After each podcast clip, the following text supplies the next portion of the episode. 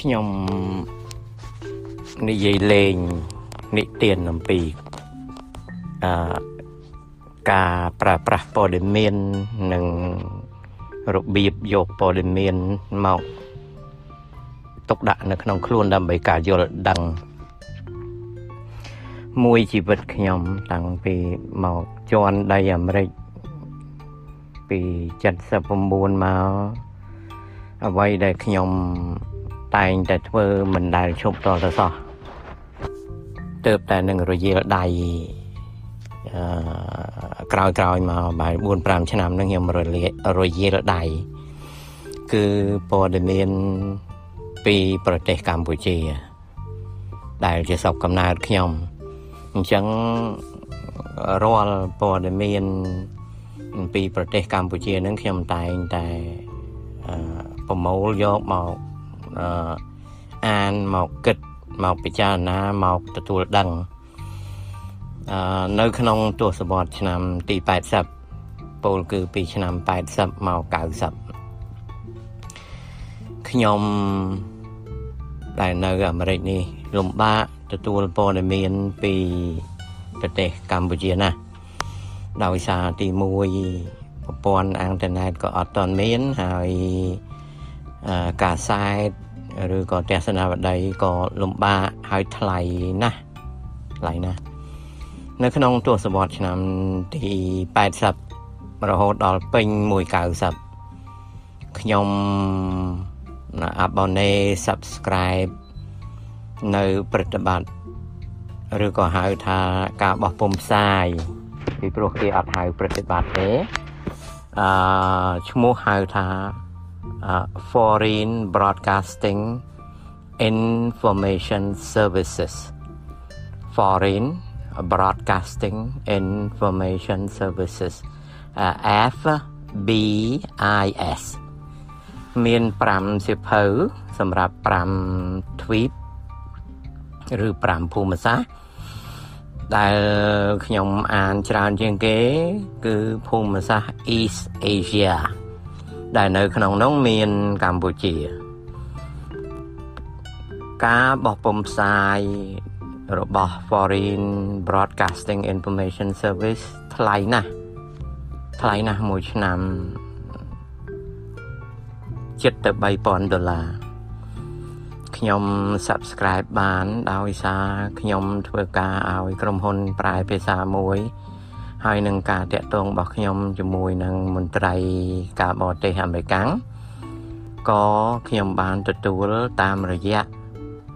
តាមរយៈការចែករំលែកឲ្យខ្ញុំអត់បានចាំបាច់បង់ថ្លៃឈ្នួល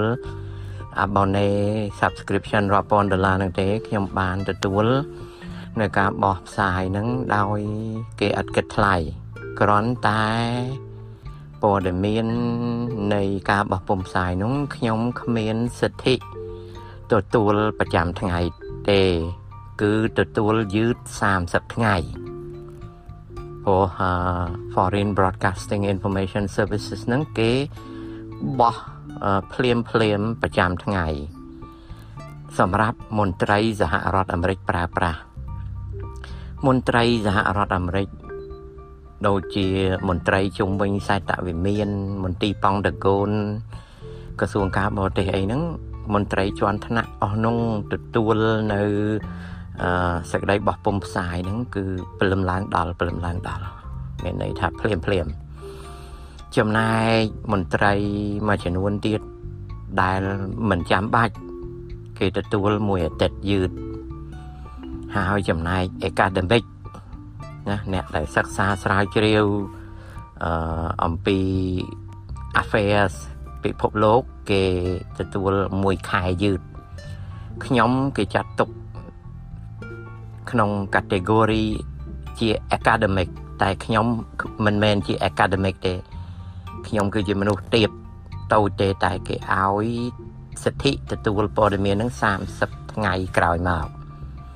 អញ្ចឹងនៅអាមេរិកព័ត៌មានពីដើមមុនមានអ៊ីនធឺណិតគឺ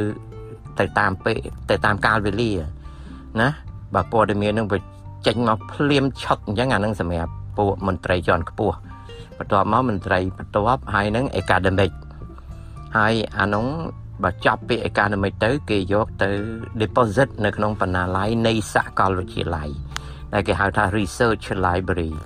ក្នុងមួយថ្ងៃមាន5ក្បាលណា សិភៅពណ៌លឿងគឺ East Asia សម្រាប់តាក់ទងនឹងកម្ពុជាខ្ញុំ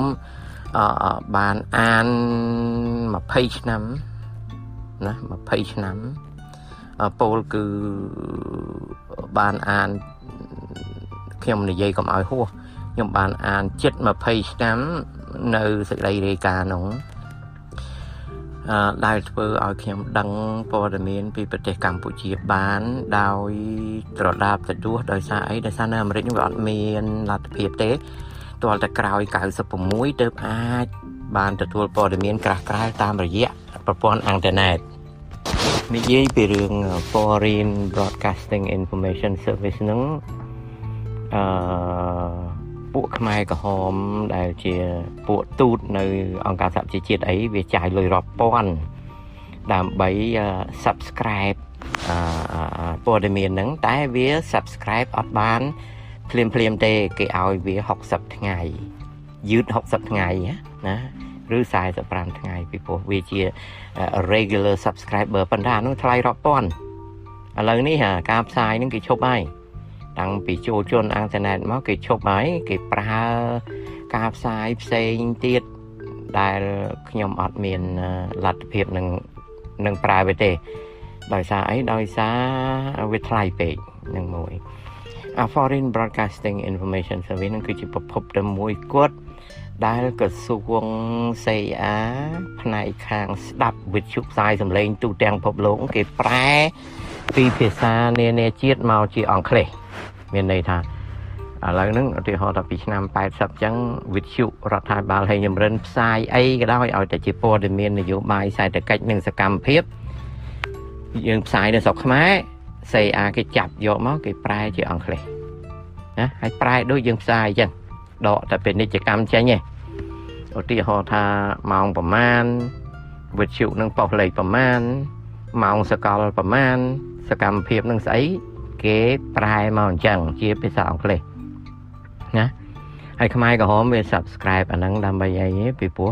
ខ្មែរក្រហមវាអត់ចេះអង់គ្លេសទេវាស្ទាត់ទេដូច្នេះវាត្រូវយកពាក្យរបស់ក្រសួង CIA ដែលប្រែហ្នឹងយកមកប្រែជាអង់គ្លេសដោយឧទាហរណ៍ថាលោកប្រធានហេងខ្ញុំសមមិត្តប្រធានហេងសំរិនប្រធានកាត់ ប្រធានគណៈប្រធានរដ្ឋអីចឹងសាធារណរដ្ឋប្រជាមានិតកម្ពុជានឹងជាស្អីស្អីចឹងទៅហើយលោកហ៊ុនសែនរដ្ឋមន្ត្រីក្រសួងការបរទេសនឹងជាសមាជិកនៃរណសីសាមគ្គីសង្គ្រោះជាតិកម្ពុជាទទួលបន្ទុកអីចឹងទៅគេប្រែជាស្តង់ដាមកព្រោះពួក CA គេមានធនធានខាងប្រែភាសាអញ្ចឹងខ្មែរក្រហមវាយកអាហ្នឹងមកដើម្បីវាធ្វើប្រតិបត្តិរបស់វាណា ខ្ញុំពីដើមចេះតែសើខ្មែរក្រហមនិយាយអានេះនិយាយអង់គ្លេសលយហ្មងតាមពិតអត់ទេចម្លងពីគេតាអាហ្នឹងមួយទៅអាហ្នឹង Foreign Broadcasting Information Service ហ្នឹងវាមានអញ្ចឹងហើយខ្ញុំខ្ញុំបានអាហ្នឹងខ្ញុំបានអាហ្នឹងទៅ2012ទេខ្ញុំបាត់បង់អស់ច្រើនណាស់សិភៅហ្នឹងខ្ញុំមានរាប់ពាន់ក្បាលពីព្រោះមួយថ្ងៃមួយថ្ងៃវាចេញរាល់ថ្ងៃនោះអញ្ចឹង365ថ្ងៃវាវា365គុណនឹង5 ច្រើនណាច្រើនក្បាលណាក្រោយ2012មានព្យុះមានអីនោះក៏បាត់បង់អស់ទៅខ្ញុំក៏នៅសល់ប្រហែលជា100 200ក្បាលដែលខ្ញុំដឹកយកមកផ្ទះថ្មីអីតវ៉ាន់នឹងអញ្ចឹងនេះគឺជាប្រភពមួយដ៏សំខាន់ណាពីទសវត្សរ៍ឆ្នាំ80 90ហើយអា Foreign Broadcasting Information Service នេះអឺវាចាប់ផ្សាយពីឆ្នាំ46មក វាផ្សាយហូរហែដល់មកភាគត្រីមាសទី3នៃឆ្នាំ1990ទសវត្សរ៍ឆ្នាំ90វាក៏ឈប់ផ្សាយទៅ មានន័យថាប្រហែលជាខែសីហាអីហ្នឹងឆ្នាំ96ហ្នឹងវាក៏ឈប់ផ្សាយទៅវាឈប់ទៅណាបាទនេះគឺជាប្រភពមួយដែលពីដើមឡើយអ្នកដែលដឹងកិច្ចការហ្នឹងគឺទាល់តែជា academic ហើយខ្ញុំមិនមែន academic ទេ ប៉ុន្តែដោយសារស្គាល់អីចឹងទៅក៏គេអនុញ្ញាតអនុគ្រោះឲ្យខ្ញុំបានយកមកអានបន្ទាប់ពី Foreign Broadcasting Information Service FBIS ហ្នឹងប្រភពព័ត៌មានពីកម្ពុជាមានតែ2ទេណាមួយគឺប្រតិបត្តិសេដ្ឋកិច្ចចុងបូព៌ាប្រទេស ដែលភាសាអង់គ្លេសគេហៅថា The Far Eastern Economic Review The Far Eastern Economic Review ប្រែជាភាសាខ្មែរថាប្រតិបត្តិសេដ្ឋកិច្ចចុងបូព៌ាប្រទេសឬក៏គេហៅថា F ណា Far E ណា E R F E E R ណា Far Eastern Economic Review ឬក៏ប្រតិបត្តិសេដ្ឋកិច្ចចុងបូព៌ាប្រទេសគេបោះតាំងពីទសវត្សរ៍ដូចជាឆ្នាំ40ផ្លាយមកក្រោយសង្គ្រាមលើកទី2អាទស្សនវិស័យនឹងវាបោះរហូតដល់មកដល់ឆ្នាំភាគខាងចុងនៃទសវត្សរ៍ឆ្នាំទី90ក៏វាឈប់បោះទៅឥឡូវអត់មានទេឥឡូវអត់មានទេមានតែនៅក្នុង research library ហើយអានោះក្នុងមួយឆ្នាំវាចេញ5វាចេញ53ក្បាល 53ក្បាល52សប្តាហ៍52អាទិត្យហើយនឹង annual issue ចុងក្រោយមានន័យថាវាចេញ52អាទិត្យបូកនឹងច្បាប់ប្រចាំឆ្នាំរបស់វា មានតែទស្សនាវដ្តីនឹងទេដែលដឹងរឿងវៀតណាមឡាវកម្ពុជាអីនិងប្រទេសនានានៅក្នុងអាស៊ីដែលចាត់ទុកថាជាព័ត៌មានអាចទុកចិត្តបាន ណាហ្នឹងមួយមួយទៀតគឺ The Bangkok Post នៅក្នុងសម័យដែលទាស់គ្នារវាងអឺឥណ្ឌូចិននិងអាស៊ីអាគ្នេយ៍ណាអឺកាលនោះវៀតណាមវាយចូល79មកកាន់កាប់កម្ពុជាអីចឹងទៅវាមានទំនាស់គ្នាហ្នឹងមានតែកាសែត The Bangkok Post ទេដែល cover story ច្រើនតាក់ទងនឹងកម្ពុជាឡាវវៀតណាម ហើយនឹងថៃឡង់ក្នុងទំនាស់នឹងហើយ The Bangkok Post នោះវាចាញ់រាល់ថ្ងៃប៉ុន្តែខ្ញុំមិនអាចនឹងបានមើលរាល់ថ្ងៃទេខ្ញុំត្រូវអឺទិញបានក្នុងមួយអាទិត្យហ្នឹងបានតែ2ដងទេកសែតវាចេញរាល់ថ្ងៃប៉ុន្តែយើងអត់បានទទួលរាល់ថ្ងៃទេព្រោះជើងកប៉ាល់ហោះមកយឺតជំនាន់ហ្នឹង ជើងកប៉ាល់ហោះវាមកអញ្ចឹងមួយអាទិត្យវាមកតែ2ដងឬ3ដងទេជើងកប៉ាល់ហោះដែលយកកសែតហ្នឹងមកអញ្ចឹងខ្ញុំអានកសែតហ្នឹងបានរាប់ទៀងទាត់លេខទៀងទាត់លេខតែខ្ញុំមិនអាចអឺអឺអឺអានវាតន់ភ្លាមទេតន់ហួសពី3ថ្ងៃសិនអាហ្នឹងមួយមួយទៀតអឺអាកាសែតបាងកកប៉ុស្តិ៍ហ្នឹងខ្ញុំពីដើមយើង មាន credit card អីចឹងមែនប៉ុន្តែយើងអត់អាច subscribe វាបានទេព្រោះវាអត់មាន international subscription ហើយខ្លាចគេយក credit card ទៅប្រើអីចឹងណាណាអញ្ចឹងហើយផ្ញើលុយម៉ង់ដាតាមធនាគារអីក៏ញញើតដែរមួយឆ្នាំរាប់រយដុល្លារនោះណាដល់អញ្ចឹងខ្ញុំក៏ទិញតាមរយៈអឺស្ថានីយ៍លក់សារព័ត៌មានអន្តរជាតិមួយដែល មួយច្បាប់5ដុល្លារថ្លៃណាស់មួយលេខបាងកកប៉ុស្តិ៍មួយលេខក្នុងមួយលេខបាងកកប៉ុស្តិ៍នោះ5ដុល្លារខ្ញុំចេះទិញអស់លុយអស់កាក់ច្រើនណាចំណែក The Far Eastern Economic Review ខ្ញុំពឹងមិត្តភ័ក្ដិនៅថៃនឹងឲ្យគេអាប៊ូណេឲ្យណាដោយសារខ្ញុំមិនហ៊ានប្រើ credit card ឬ Monda ទេហើយគេក៏បំពេញ subscription មកឲ្យខ្ញុំនៅប្រទេសអាមេរិកដូច្នេះ ក្នុងមួយអាទិត្យហ្នឹងវាបាត់ទៅអញ្ចឹងតរអាទិត្យក្រោយបានយើងបានអានអាទិត្យនេះវាផ្ញើមកតាម Mailgram ណា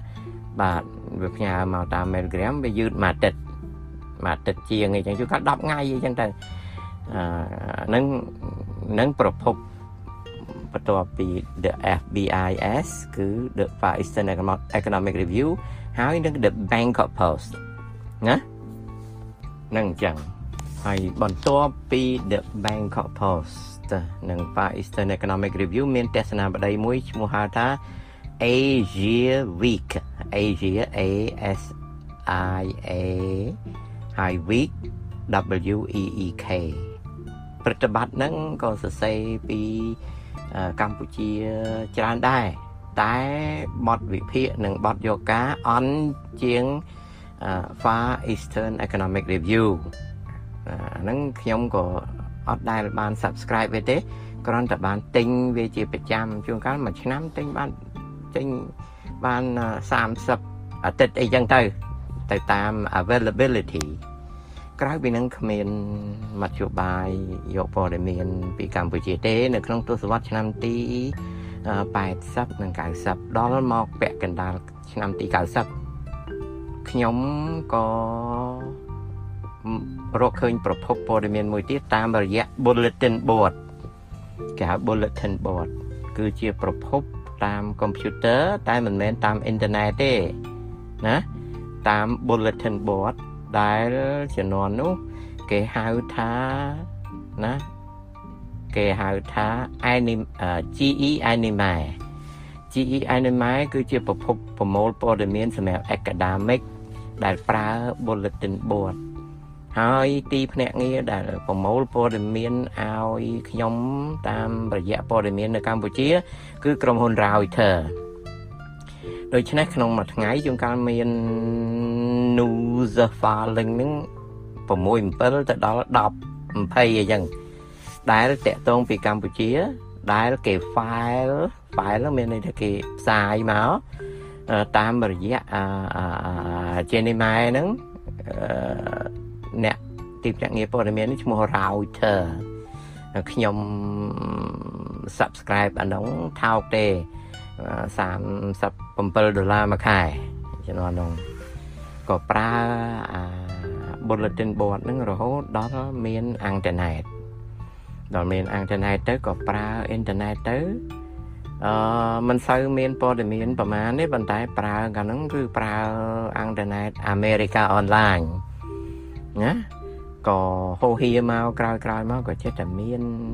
browser ថ្មីថ្មីមកក៏យើងចេះតែមានមកទៅមកចាប់ពីឆ្នាំ91 92 93ហ្នឹងវាចេះតែធូរទៅធូរទៅ បានសប្ងៃនេះវាមានស្អីស្អីសពគ្រប់ហ្នឹងក៏លែងមើលទៀងទាត់ហើយលែងមើលទៀងទាត់ហើយណាព្រោះវាច្រើនពេកណាអាហ្នឹងអញ្ចឹងសូមជម្រាបរឿងព័ត៌មានស្រុកខ្មែរហ្នឹងដូច្នេះហើយ អឺសំណួរសួរថាម៉េចបានខ្ញុំដឹងរឿងហៅអីសិតតែជាកិច្ចប្រឹងប្រែងមិនមែនជាកិច្ចលេងសើចទេបាទជាកិច្ចប្រឹងប្រែងណាដោយសារវាជាចំណូលចិត្តរបស់ខ្ញុំ information is my uh, uh, one of my uh, uh, active hobby ណាមានន័យថាការស្រាវជ្រាវព័ត៌មាននឹងវាអញ្ចឹង បន្ទាប់ពីការប្រើប្រាស់ Foreign Broadcasting Information Service Far Eastern Economic Review the Bangkok Post the Asia Week ណា the bulletin board ហ្នឹងខ្ញុំប្រមូលព័ត៌មានពីនានាប្រភពដែលខ្ញុំហៅថា shoebox collection ដូចម្ដេចទៅហៅថា shoe box collection shoe box គឺប្រអប់ដាក់ស្បែកជើងយើងទៅទិញយើងបានប្រអប់ស្បែកជើងណាយើងទិញស្បែកជើងយើងបានប្រអប់ស្បែកជើងដល់បានប្រអប់ស្បែកជើងទៅខ្ញុំរៀបប្រអប់ស្បែកជើងនេះបិទផ្លាកវាបិទផ្លាកវាណាបិទផ្លាកវាដោយថាអឺមករាណាកុម្ភៈមិនិមេសាអីចឹងណាឧសភាមិថុនាកក្កដាសីហាកញ្ញា វិជ្ជកញ្ញាតុលាវិជ្ជការធ្នូអីចឹងទៅហើយដាក់លេខឆ្នាំពីក្រោយណាណាឬក៏ជួនកាលទៅ ក្នុងមួយប្រអប់ហ្នឹងដាក់3ខែណាដាក់មួយត្រីមាសប្រអប់ហ្នឹងខ្ញុំតែងតែរៀបទុកក្រោមក្រែខ្ញុំអញ្ចឹងកាលណាខ្ញុំបានទទួលព័ត៌មានអីនៅក្នុងខែណាខ្ញុំអឺថតចម្លងកូពី ថតចម្លងកូពីហ្នឹងពីដើមថ្លៃណា75សេនមួយសន្លឹកណាព្រោះយើងអត់មានម៉ាស៊ីនកូពីសាធាទេហើយក៏យើងគ្មាន printer នៅផ្ទះដែរយើងមានតែ10 matrix យើងគ្មាន laser អីឬក៏ inkjet អីទេអញ្ចឹងខ្ញុំកាត់ទំព័រកសែតឬក៏អីចម្លងមកខ្ញុំយកអឺប៊ិចហ្នឹងកត់ថាព័ត៌មាននេះផ្សាយចេញថ្ងៃណាហើយ អាคลิปហ្នឹងខ្ញុំយកពីកសែតណា សរសេរអញ្ចឹងទៅហើយខ្ញុំកាត់វាត្រឹមត្រូវទៅខ្ញុំយកទៅ copy กระดาษឲ្យស្មើជ្រុងស្មើដើមព្រោះអាអត្ថបទកសែតវាអត់ស្មើទេអញ្ចឹងខ្ញុំ copy វាឲ្យទៅជា 8.5 by 11ហើយយកអាกระดาษហ្នឹងបត់ជា2តាមបណ្ដោយប្រឈរដាក់ទៅក្នុង shoe box ហ្នឹងអញ្ចឹងវាទៅអាអាប្រអប់ បែកជើងខ្ញុំហ្នឹងវាទៅជាគេហៅថា news clip collection មានន័យថាអត្ថបទព័ត៌មានហ្នឹងខ្ញុំដាក់អញ្ចឹងអញ្ចឹងពីដើមឡើយកាលណាខ្ញុំចាប់ដើមសរសេរអំពីកម្ពុជាហ្នឹងគឺខ្ញុំទៅមើលនឹង shoe box ហ្នឹងទៅមើលនៅប្រអប់ស្បែកជើងហ្នឹងដើម្បីរៀបអត្ថបទខ្ញុំមុនខ្ញុំសរសេរយកទៅឲ្យកសែតបោះពួកខ្ញុំខ្ញុំសរសេរឲ្យទៅកសែតណាបាទឲ្យទៅកសែតបោះណា អញ្ចឹងព័ត៌មានដែលខ្ញុំបានហ្នឹងជំនួស Google ព្រោះ Google វាអត់មានសម័យហ្នឹងគឺប្រើ shoe box ណាហើយអាកំណត់ចេះជ្រាប shoe box ហ្នឹងគឺរៀនតាម high school រៀនតាមក្មេង high school ដែលរៀនតាមវិធីរៀបចំព័ត៌មានមួយហៅថា index box index box ហ្នឹងគឺគេមានប្រអប់ជាដែកឬក៏ជាឈើឬក៏ជាกระดาษដែលគេមានសន្លឹក សិភៅរៀងរឹងបន្តិចណាគេហៅថា25 pound paper ណាដែលគេហៅថា index card ចាប់ពីប្រព័ន្ធ4ធ្នាប់ដៃឡើងទៅ4ជ្រុងទៅវែងហ្នឹងកាលណាគេធ្វើការសិក្សាស្រាវជ្រាវគេតែងតែសរសេរព័ត៌មាននៅលើกระดาษហ្នឹងហើយគេយកกระดาษហ្នឹងទៅតម្រៀប ABCD នៅក្នុងប្រអប់មួយដែលគេហៅថា index card អាហ្នឹងគេបង្រៀនកូនក្មេង high school កូនក្មេងវិទ្យាល័យធ្វើ ហើយខ្ញុំខ្ញុំរៀនធ្វើតាមក្មេងហ្នឹងខ្ញុំយកអាហ្នឹងមកប្រើជា shoe box news collection ណាដល់ពេលខ្ញុំចាប់ដើមសរសេរអត្ថបទព័ត៌មានអីចឹងខ្ញុំក៏អឺអឺប្រើ shoe box information របស់ខ្ញុំហ្នឹងយកមកខ្ញុំរើសមកហើយខ្ញុំសរសេរអញ្ចឹងណាអញ្ចឹងអាហ្នឹងឈានទៅដល់ការសរសេរនិយាយងាកអំពី ព័ត៌មានប្រចាំសប្តាហ៍ប្រចាំថ្ងៃដែលខ្ញុំប្រមូលអស់លុយយ៉ាងច្រើនអស់ពេលយ៉ាងច្រើនយកចិត្តទុកដាក់ហ្នឹងអឺខ្ញុំក៏ចំណាយពេលយ៉ាងច្រើន ក្នុងមួយអាទិត្យមួយថ្ងៃ ជាពិសេសគឺល្ងាចថ្ងៃសុក្រដោយសារខ្ញុំធ្វើការឲ្យក្រុមហ៊ុនហ្នឹងគេចេញម៉ោង3រសៀលខ្ញុំចំណាយពេលល្ងាចថ្ងៃសុក្រពីម៉ោង3រសៀលដល់ម៉ោង10យប់ខ្ញុំទៅបណ្ណាល័យ នៅទីក្រុងញូវយ៉កដែលបណ្ណាល័យមានតែពីរទេដែលខ្ញុំទៅ គឺបណ្ណាល័យសហព័ន្ធសាខាសហព័ន្ធនៅទីក្រុងញូវយ៉កគេហៅថា Library of New York City ធំជាងគេឬក៏ខ្ញុំទៅបណ្ណាល័យមួយទៀតគេហៅថាបណ្ណាល័យតកតងនឹងព័ត៌មានអន្តរជាតិណាណាវាជា library ប៉ុន្តែវាមាន collection វាមួយតកតងនឹង international affairs អញ្ចឹងខ្ញុំទៅទៅអាបណ្ណាល័យក្រោយហ្នឹងវាបិទម៉ោង10អាបណ្ណាល័យធំបិទម៉ោង9អញ្ចឹងខ្ញុំទៅអញ្ចឹងទៅខ្ញុំទៅបណ្ណាល័យហ្នឹងទៅខ្ញុំព្យាយាមដូរដូរកាក់ឲ្យបានច្រើនដូរកាក់25សេនឲ្យបានច្រើនពីព្រោះពីដើមអត់មានកាតអន្តទានអីយកទៅប្រើបានទេម៉ាស៊ីនកូពីយើងត្រូវដាក់កាក់ហើយមួយស្លឹក75ដុល្លារថ្លៃអូយថ្លៃហើយបតិបតា ព្រិនមកអត់ច្បាស់ទេពីព្រោះម៉ាស៊ីនកូពីនៅតាមបណ្ណាល័យហ្នឹងក៏គេថែទាំមិនជាបើហើយជួនកាលក៏ត្រូវយកបិចកត់ថែមណាអញ្ចឹងខ្ញុំទៅបណ្ណាល័យហ្នឹងខ្ញុំទៅយកប្រតិបត្តិពីមុនឆ្នាំ79ពីព្រោះចាប់ពី79មកខ្ញុំដឹងហើយប៉ុន្តែមុន79ខ្ញុំអត់ដឹងថាគេនិយាយពីអីទេអញ្ចឹងខ្ញុំទៅបើកមើលអត្ថបទ នៅក្នុងប្រតិបត្តិហ្នឹងរាវរកអាណាដែលតាក់ទងខ្មែរខ្ញុំចម្លងមកអាហ្នឹងមួយ មួយទៀតខ្ញុំត្រូវទៅរកសារព័ត៌មានដែលវិចេញហើយកសែតដែលវិចេញហើយតាក់ទងនឹងកម្ពុជាអឺពីដើមអត់មានអាចមើលអីបានទេកសែតក៏គេអត់ទុកដែរព្រោះទុកយូរទៅធំប្អូមធំជូរអញ្ចឹងកសែតនានាដែលគេទុករំកល់នៅបណ្ណាល័យគេថតជា microfilm អ្នកខ្លះគេហៅ microfic គេថតជា microfilm ហើយគេដាក់អាវាម្ដុំម្ដុំប៉ិនប៉ិនបាតដៃហ្នឹងហើយយើងត្រូវចេះរបៀបស្រាវជ្រាវរកទើបយើងទៅបើកអាអា file microfilm ហ្នឹងមកដាក់ម៉ាស៊ីនដើម្បីអានអានហ្នឹងយើងមិនមែនអានបានងាយទេព្រោះកសែតទាំងមូលជួនកាល10 20លេខ30 40លេខអត់មានខ្មែរមួយផង ណាអញ្ចឹងយើងរាវរកទៅឃើញអញ្ចឹងទៅយើងថតចេញមកមកស្លឹក1ដុល្លារអឺមកស្លឹក1ដុល្លារអញ្ចឹងយើងថតហើយគេអត់ឲ្យយើងថតច្រើនទេ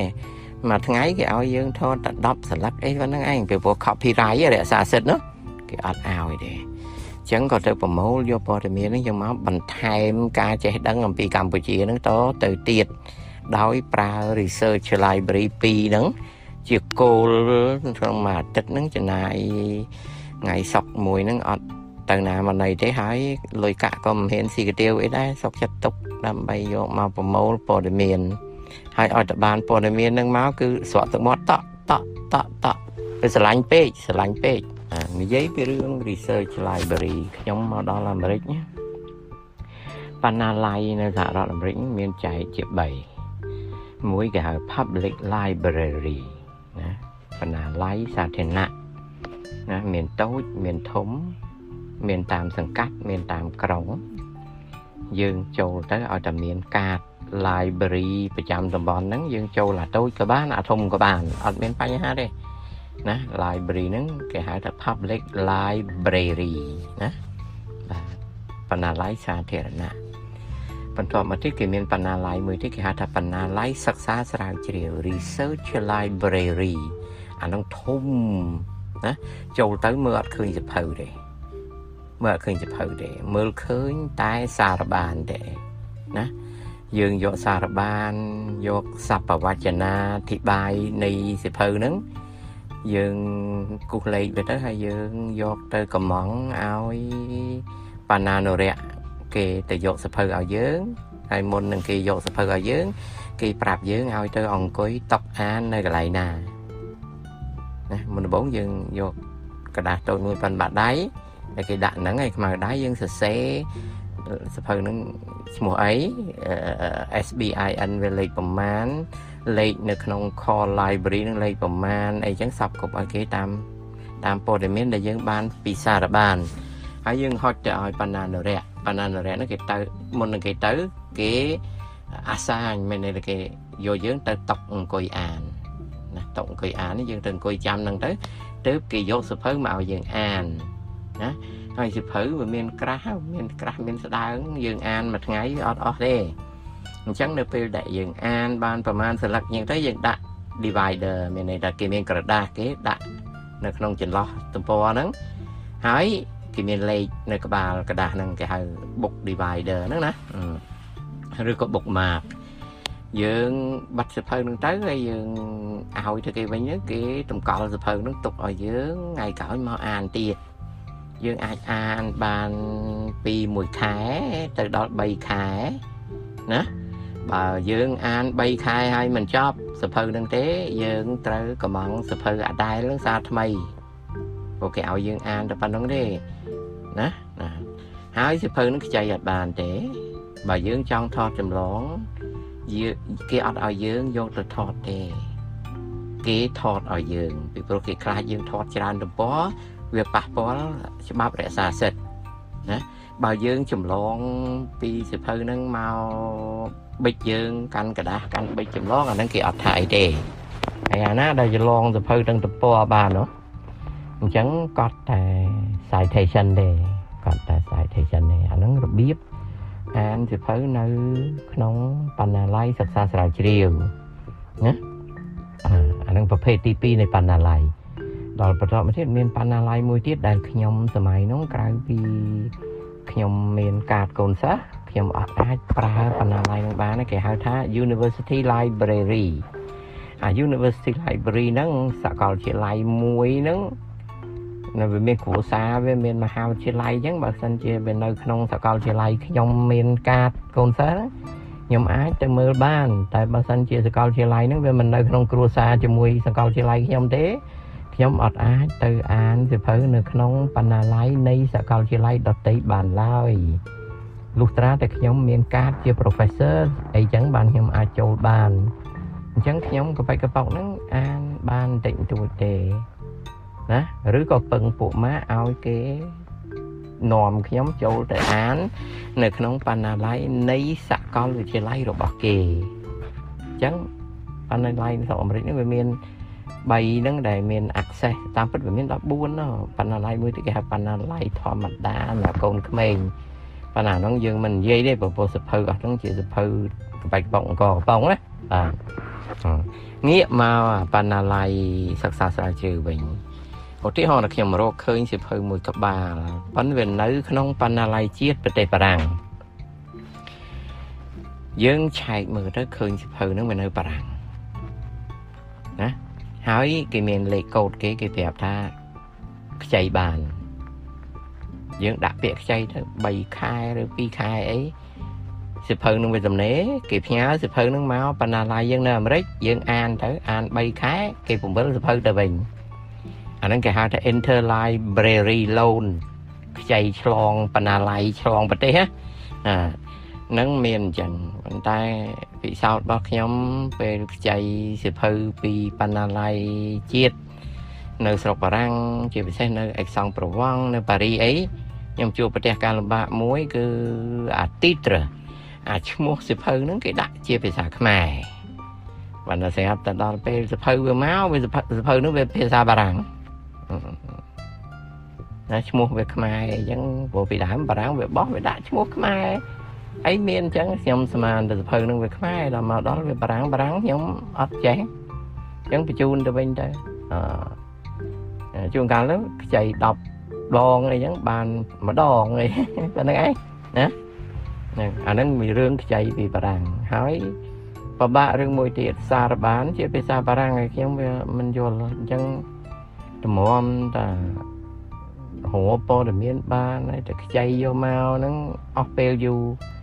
តែនៅពេលដែលសភៅនឹងបានខ្ចីពីបណ្ណាល័យបារាំងមកអានហ្នឹងស្រក់ទាំងមាត់តក់តក់ស្រក់ទាំងមាត់តក់តក់ដូចមនុស្សដែលចាញ់កូនហើយឃើញមកជូរចឹងព្រោះស្រឡាញ់ណាស្រឡាញ់ណា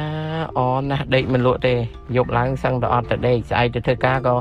មិនខ្លាចដែរខំប្រឹងអានសិនពីព្រោះ វាដូចជាឆ្ងាញ់អូឆ្ងាញ់ផ្នែកខាងអឺផ្នែកខាងបណ្ណាល័យក្រៅពីហ្នឹងខ្ញុំនិយាយពីសិភៅធម្មតាដែលទិញនៅទីក្រុងញូវយ៉កមានហាងលក់សិភៅដែលគេហៅថាសិភៅ1លានក្បាលហាងហ្នឹងគេណាដឹងថាគេមាន1លានទេអត់ទេប៉ុន្តែហាងហ្នឹងវាធំមាន5 6ជាន់ ហើយគេថាហាងគេហ្នឹងសិភៅ1លានក្បាលណាទោះបីតែសិភៅ1លានក្បាលតែគេដាក់លក់ហ្នឹងមែនមានសិភៅមានអាអាផ្នែកសិភៅថ្មីហើយនឹងសិភៅចាស់ use book ហើយនឹង new books អឺខ្ញុំទៅអាហ្នឹងមួយថ្ងៃមួយថ្ងៃអត់មានពេលចំណាយពេលទៅ តែអនិច្ចាសិភៅខ្មែរសិភៅស្ដីអំពីកម្ពុជាមានតិចណា មានតិចមែនតើមិនងាយរកបានទេចំណាយពេលមួយថ្ងៃមួយខែរកបានមួយក្បាលអញ្ចឹងមកក៏ទិញយកមកខិតខប់អទៅយកមកទុកទៅអានឹងមួយមួយទៀតអឺខ្ញុំប្រើសេវាកម្មស្វែងរកសិភៅចាស់ណាប៉ុន្តែពាក្យថាសិភៅចាស់ប៉ុន្តែថ្លៃណាជំនាន់នោះថ្លៃណាឧទាហរណ៍ទៅសិភៅហ្នឹងបើវាថ្មីវាគេលក់តែ20ដុល្លារទេ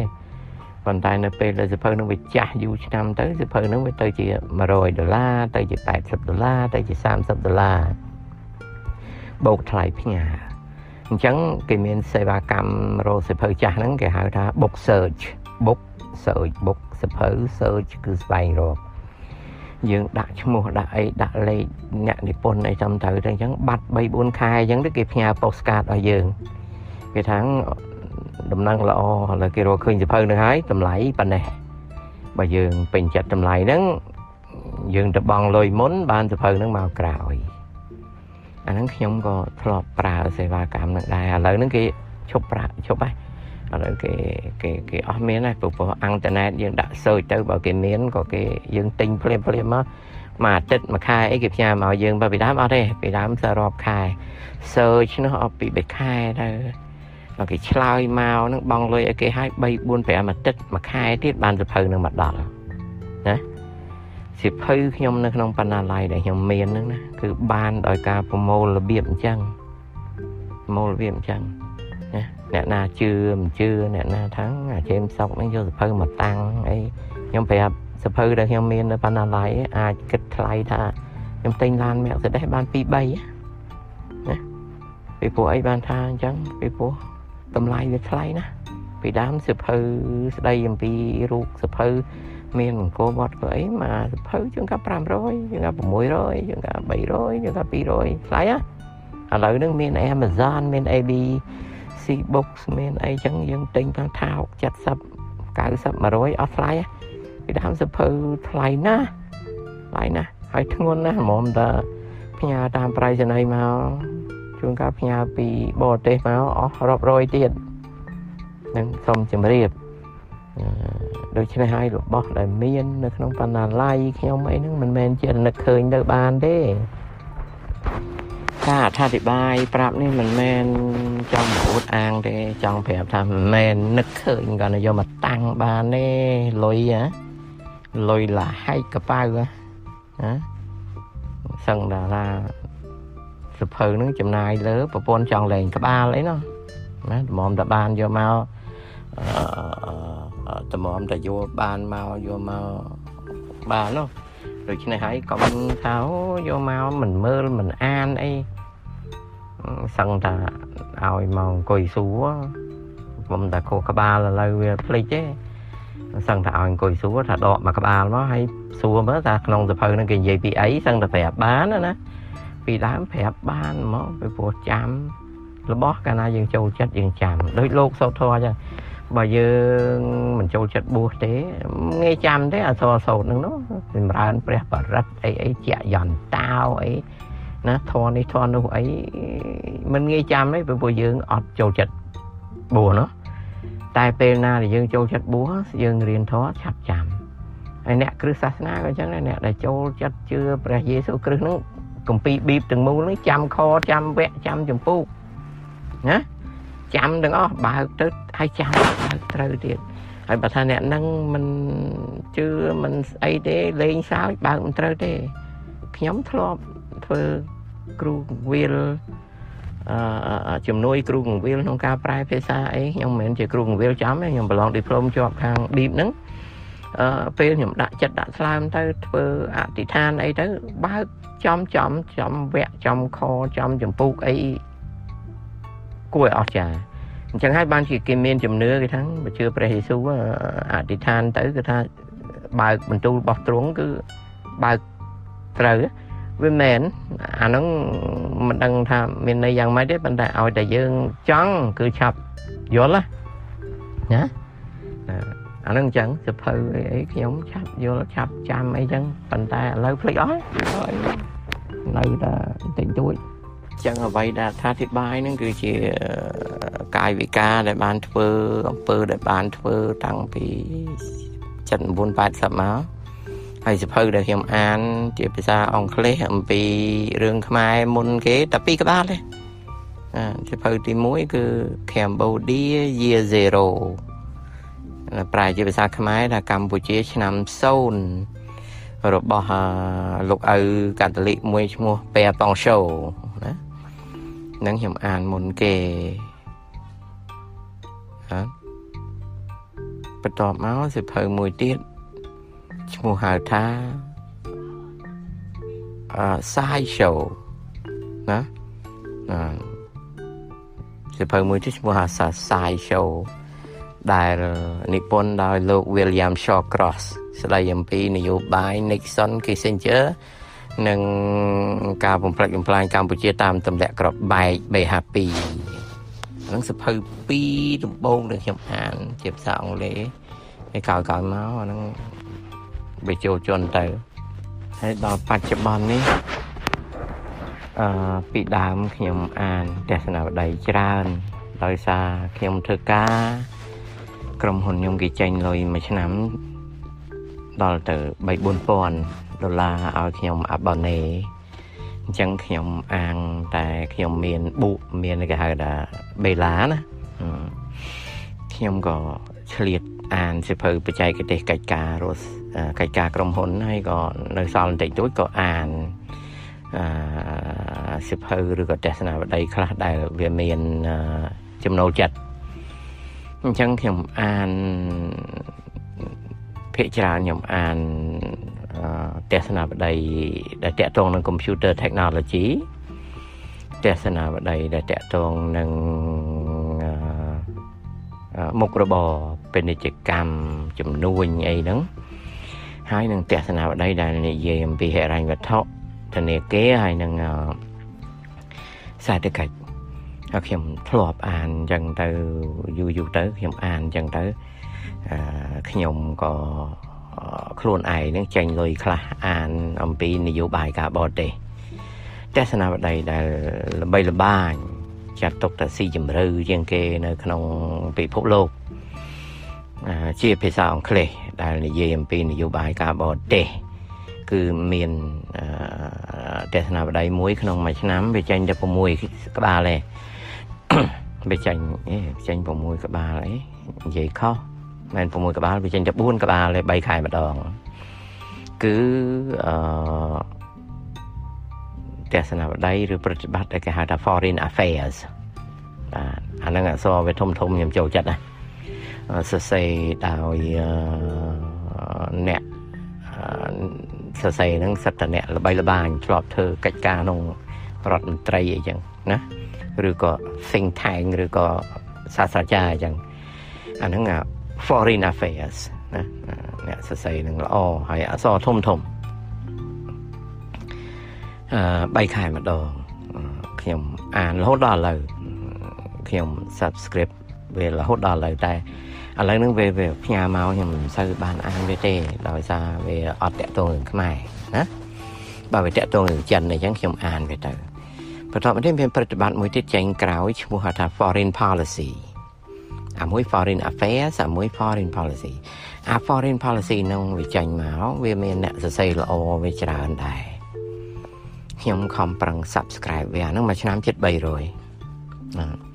តែដល់ពេលមួយឆ្នាំពីរឆ្នាំក្រោយនេះខ្ញុំឃើញវាគិតលុយយកពីឯងហើយអាអត្ថបទវា ទៅជាសម្រាមឥឡូវខ្ញុំ cancel វាចោល ដោយមកយូរយូរទៅក៏អត់មានអាណាទៅស្អីហើយគិតលុយរត់ទៅថ្លៃហើយដល់អញ្ចឹងទៅក៏ខ្ញុំ cancel វាចោលទៅហើយប្រតិបត្តិដតីដតីទៀតខ្ញុំអត់បានអានទេខ្ញុំអានតែប្រតិបត្តិរបស់ My Bloomberg តាក់ទងនឹងសេដ្ឋកិច្ចហើយនឹងពាណិជ្ជកម្មនៅសហរដ្ឋអាមេរិកអានឹងមួយគាត់ទុកប្រចាំការឲ្យវាដឹងថាថាមុខរបរគេរស់ស៊ីអីអីនៅស្រុកអាមេរិកនេះវាយ៉ាងម៉េចហើយនឹង ប្រតិបត្តិមួយទៀតឈ្មោះថា Economist ដែលបោះពុំនៅប្រទេសអង់គ្លេសអាប្រតិបត្តិនឹងសរសេរអង់គ្លេសដែរប៉ុន្តែអង់គ្លេសវារៀងដូចពិបាកយល់បន្តិចចំពោះខ្ញុំមនុស្សកបិកបោកណាតែអានោះខ្ញុំអានយូរហើយអានរាប់ឆ្នាំមកហើយនៅអានជាបន្តបន្តពីព្រោះអានឹងវា cover អឺហិរញ្ញវត្ថុធនាគារហើយនឹងសេដ្ឋកិច្ចទូទាំងពិភពលោកណា ទោះបីយ៉ាងណាក៏ដោយក៏វាឥឡូវហ្នឹងអាទស្សនវិស័យអីអស់ហ្នឹងអាអាស្អីស្អីអស់ហ្នឹងគឺឃើញសញ្ញាពុកឲ្យលួយប៉ុណ្ប៉ុណ្ណាណៃណាពុកឲ្យលួយយ៉ាងម៉េចជួនកាលទៅព័ត៌មានវានិយាយដើម្បីគៀងគោយើងឲ្យយើង មានទំនោរទៅនេះទៅនោះហើយអឺការអះអាងវាក៏ចាប់ផ្ដើមធូររលុងទៅកាន់ការអូសទាញ ដែលខ្ញុំចង់និយាយថាជួនកាលព័ត៌មានវាវិភាគមែនប៉ុន្តែកុហកហក់កុហកវាចង់បង្អាប់មួយវាចង់លើកមួយសាច់តែវាព្រោះវាបកកាយទៅសេនោះតែដល់ខ្ញុំដែលជាអ្នកអានដែលមានពិសោធន៍ហ្នឹងទៅមើលឃើញកឡើតវាណាអញ្ចឹងហើយបានពេលខ្ញុំលើកមកនិយាយមានខ្មែរខ្លះពេកជាយខ្ញុំទៅហ៊ានធ្វើការវាតម្លៃដល់អត្ថបទនេះកសែតនេះព័ត៌មាននេះ ឯងនឹងអីអង់គ្លេសនិយាយមិនត្រង់ជុងផងមុខខ្មែរពាក់ខោអាវអាវខោខោចុកសេមីហ៊ានវាយតម្លៃលើទស្សនវិស័យលើព័ត៌មានថាបាទខ្ញុំហ៊ានខ្ញុំហ៊ានវាយតម្លៃព្រោះខ្ញុំមើលឡាអស់នឹងឡើងចង់ទៅពេកក្បាលហើយមើលឡើងសឹកភ្នែកហើយខ្ញុំដឹងដល់យូរយូរទៅខ្ញុំចំណាំមើលទៅវាមានភូតណាវាមានភូតវាកែវាកន់យ៉ាងម៉េចយ៉ាងម៉េចឧទាហរណ៍ដូច Bloomberg Business Week អាទស្សនវិស័យនោះល្បីនៅអាមេរិកណាអាបោណេវាឡើងទៅដល់700មួយឆ្នាំប៉ុន្តែនិយាយកុហកវាចង់ប្រម៉ូតសៅអាហ្វ្រិកាវាថាសៅអាហ្វ្រិកាហ្នឹងកំពុងតែរីកចម្រើនរីកចម្រើនម៉ែវាអាសៅអាហ្វ្រិកាហ្នឹងតាំងពីពួកអសឈប់កាន់កាប់មកអាខ្មៅឡើងកាន់កាប់ស្រុកហ្នឹងសឹងតាលាយណាពួកអ្នកចេះដឹងអីគេអន្តោវេសចេញអស់ហើយណា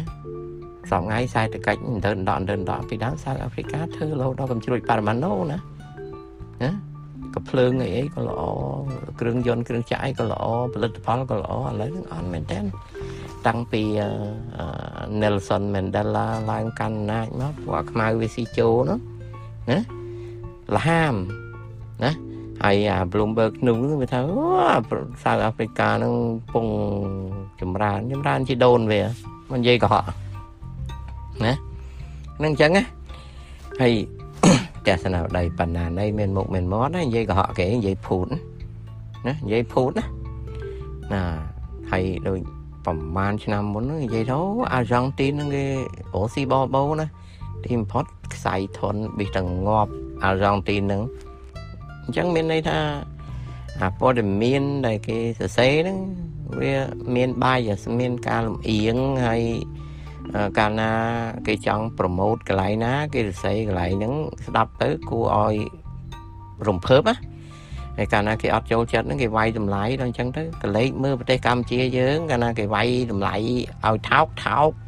គេវាយតម្លៃឲ្យយើងរំភើបរំភើបណាធម្មតាពួកអស់ហ្នឹងណា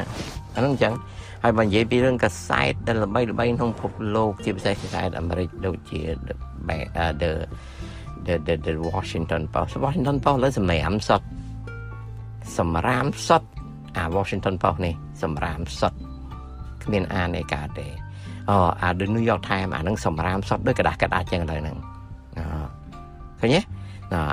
កសែតដតីទី The Boston Globe The Chicago Tribune The LA Times អីគ្មានទេ The International Tribune អីឥឡូវទៅជាกระดาษกระดาษ ទៅហើយកដាស់កាត់អាចឲ្យមានយកមកប្រើការអីអានបានទេពីដើមណាខ្ញុំអ្នកលក់កសែតណាសប្តាហ៍ថ្ងៃកសែតនៅសល់តែ2ទេដែលអានកើត The Wall Street Journal មួយហើយនឹង The Financial Times មកពីអង់គ្លេសអាហ្នឹងនៅអានបានកាលពីហ្នឹងអានអត់បានទេណាសំបីតែ The Bank ក៏ប៉ុសអីហ្នឹងក៏លែងអានបានណាណា The Bank ក៏ប៉ុស The Straits Times របស់សិង្ហបុរី ណា The South China Morning Post The South China Morning Post ឥឡូវគាត់បើបន្តិចគាត់បើបន្តិចយើងដឹងថាចិនទិញហើយប៉ុន្តែវាគាត់បើបន្តិចហើយនឹងអាខ្សែតនៅអង់នៅជប៉ុនអីអានឹងអានបានតែ